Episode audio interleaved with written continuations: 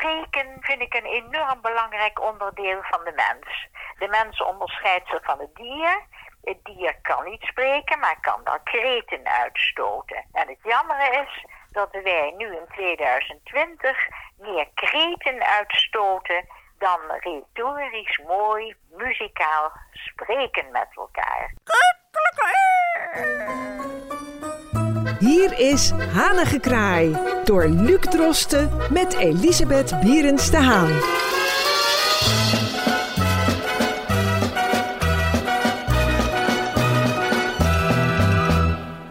Hartelijk welkom bij de wekelijkse podcast Hanengekraai hier op Amsterdam FM. En ik let vandaag extra goed op mijn uitspraak en mijn dictie, want het onderwerp van vandaag is spraakkunst. Nou, mevrouw Bierens de Haan, uh, ik denk dat iedereen die u wel eens heeft horen spreken, dat zullen ondertussen met deze podcast eh, redelijk wat mensen zijn, uh, u kunnen herkennen aan uw dictie. Waarom wilde u dit onderwerp vandaag aansnijden?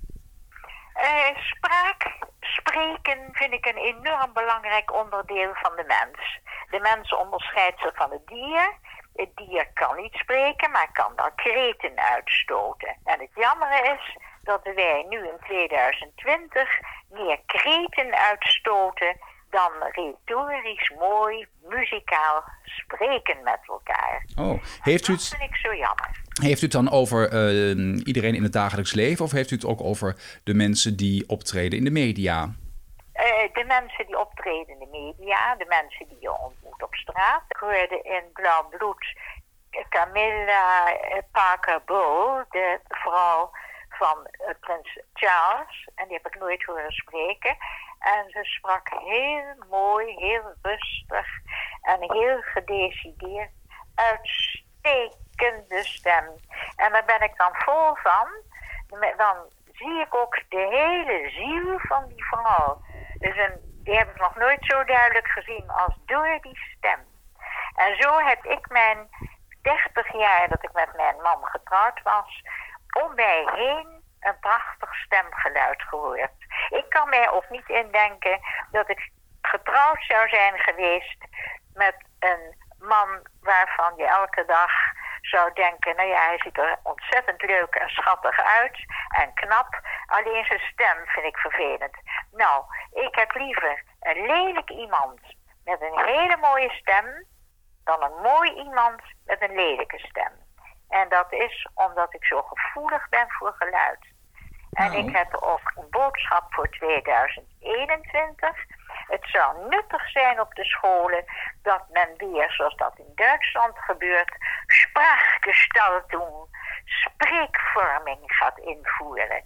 Dat men de jeugd leert op jonge leeftijd goed te leren praten, duidelijk praten, rustig praten, spreken in het openbaar.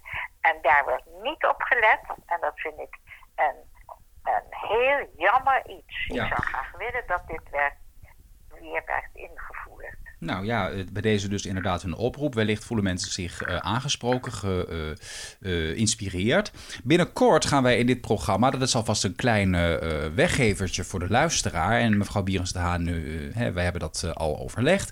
Gaan wij het hebben over etiketten. En dat doen wij binnenkort aan de hand van de etikettenbijbel, zouden we kunnen zeggen. Hoe hoort het eigenlijk van Amy Groskamp ten Haven? En zij schrijft ook het een en ander over praten. En dan wilde ik u een kort stukje voorlezen met. Ja, en dat is het volgende.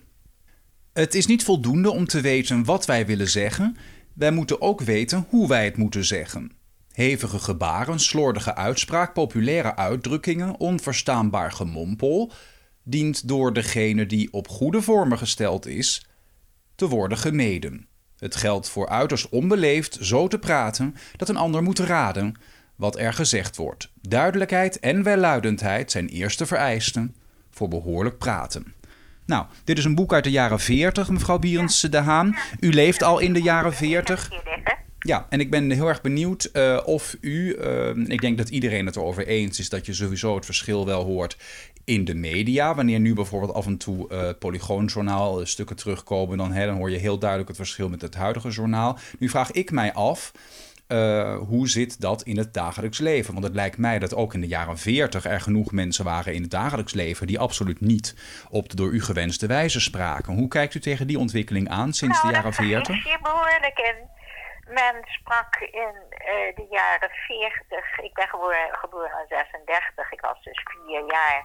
Men sprak heel mooi en heel goed. En niet alleen de mensen uit de betere klasse, maar iedereen.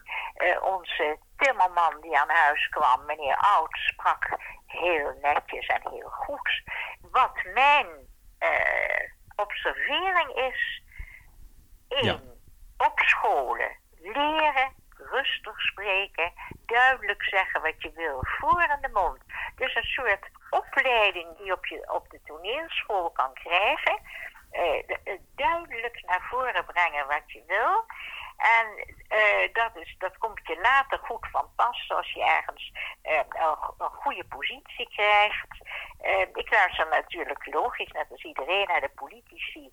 En dan hoor je hele aardige stemmen.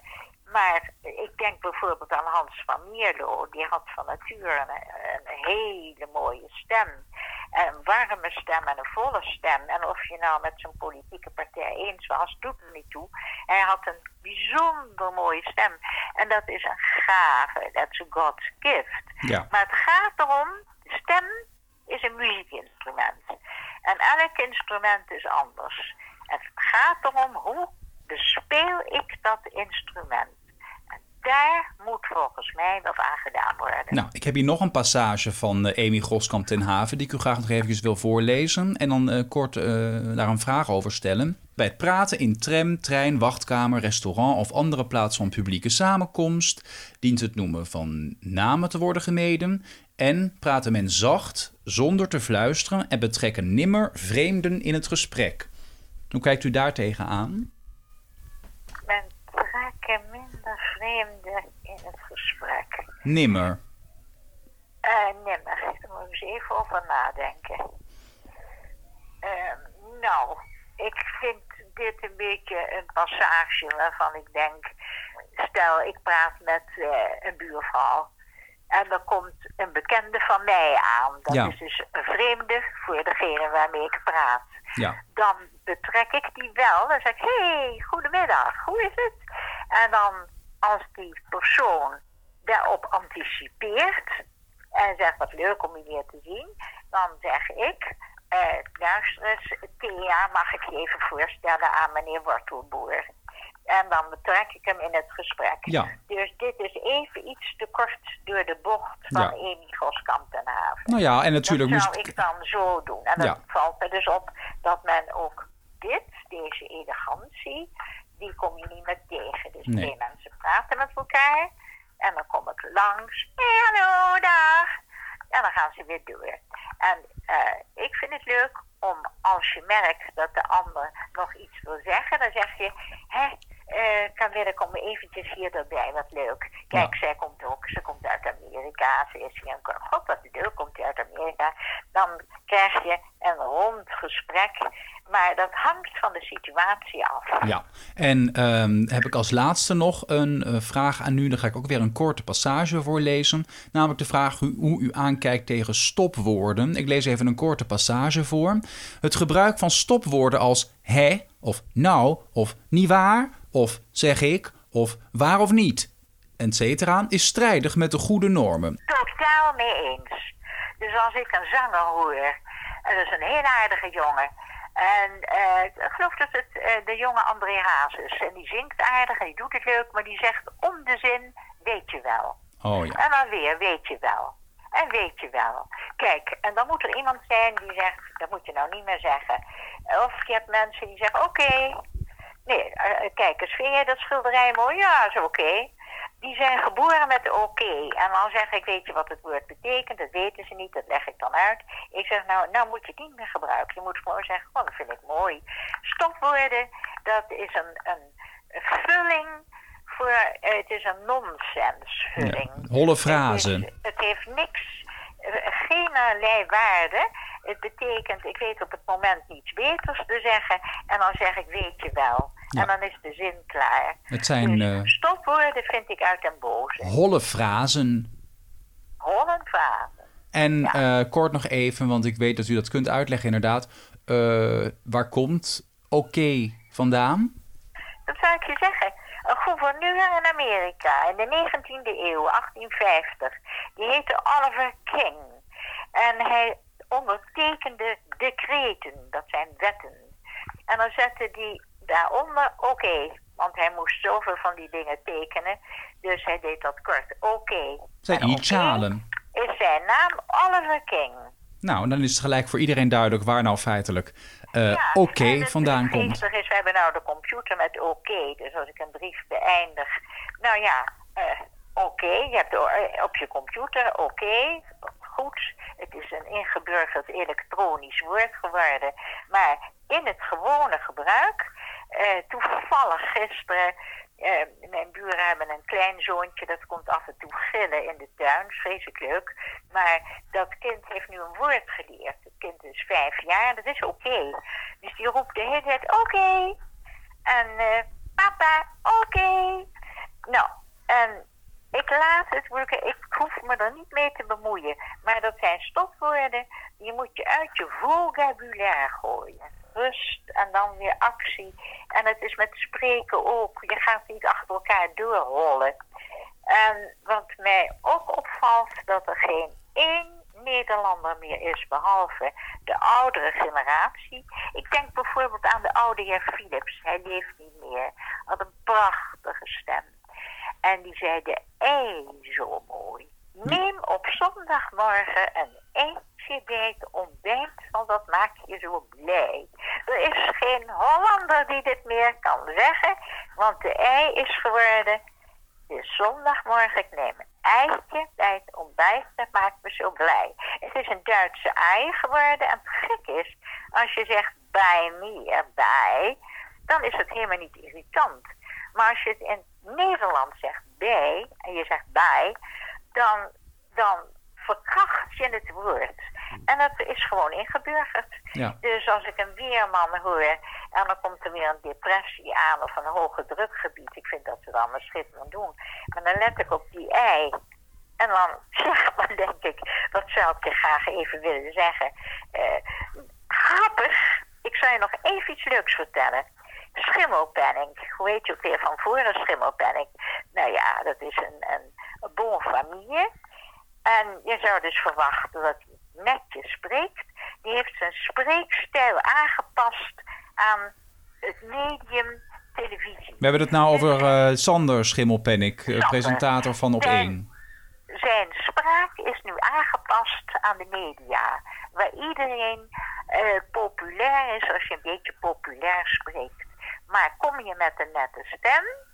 En eh, ja, daar heb ik ook wel last van gehad. Dat, dat er gezegd werd bij Radio Noord-Holland, u spreekt te beschaafd. Mind you. En dat is zo jammer dat men niet een eigen smaak heeft en een eigen gehoor. Je hoort met je oren je eigen stem. Natuurlijk niet zo goed als iemand van buitenaf hoort. Nee. Maar je hoort of je plat spreekt of niet. Of het, het dialect kan leuk, kan heel mooi klinken. Maar zeg je ei, dan trekt je mond ook heel anders. Je trekt je mond een beetje naar beneden, ei. En als je zegt ei, dan blijft het achter in de mond hangen en dan is het alsof iemand aan het bedden blazen is. Ja. Nou ja, het is duidelijk. Eh, nee, het is nog niet duidelijk. Oh. De mondstand bij het spreken is reuze belangrijk. Ik hoorde een Canadees. En die Canadees die zei... Grappig, mijn kinderen die leren me ook Nederlands. Want ik, heb, ik ben van Nederlandse afkomst. But I'm a Canadian. En toen zei hij iets heel leuks. Hij zei... Ik moet mijn mond... Ik moet mijn hele beweging van mijn lippen en mijn mond moet ik veranderen als ik Hollands spreek. En daar ben ik over gaan nadenken, waarachtig. Als je Engels spreekt of je spreekt Frans, dan heb je een andere mondstand, een andere mimiek. Kijk, Ja. dus geef je de kinderen spreekles, de jonge mensen, dan heb je iemand nodig, een docent van de toneelschool, die niet het overdrevene, maar de gewone spreektaal zoals die gesproken moet worden. En je moet het niet overdreven doen, want dan klinkt het weer eh, ja, te stijf en te harkerig. Het moet vloeiend, legato klinken. Maar iemand moet je vertellen hoe je het doet. Net als piano spelen. Als iemand vertelt, zo kan je spelen, probeer het maar. Maar je moet het leren. Nou ja, goed, eh. dat zou ik graag willen in dit land. Het eh, fijne aan Nederland is dat er eh, vrijheid van onderwijs is. En dat dus ook individuele leraren eh, enige vrijheid hebben voor hun lesprogramma's. Dus wellicht zijn er luisteraars die voor de klas staan en zich geïnspireerd voelen door uw, door uw advies. Mevrouw Bieres de Haan, we zijn alweer aan het einde. Zo zie je maar weer, Luc, hoe vlug de tijd De gaat. tijd vliegt als je het naar je zin hebt, maar niet getreurd. En dat geldt ook voor de luisteraars. Volgende week zijn we er weer. En dan pikken wij een nieuw onderwerp op. En wie weet is dat al eh, de etikettenleer van Amy Goskamp ten Haven. Of een ander onderwerp. Wij laten het eventjes eh, in het midden. En ehm, zijn er volgende week donderdag weer. Mevrouw Bierenstaan, ik wens u een goede week. En hetzelfde, Luc. Tot volgende week. Tot volgende week. Wilt u reageren? Mail naar hanigekraai.amsterdammefm.nl en uw bericht komt terecht bij mevrouw Berends de Haan.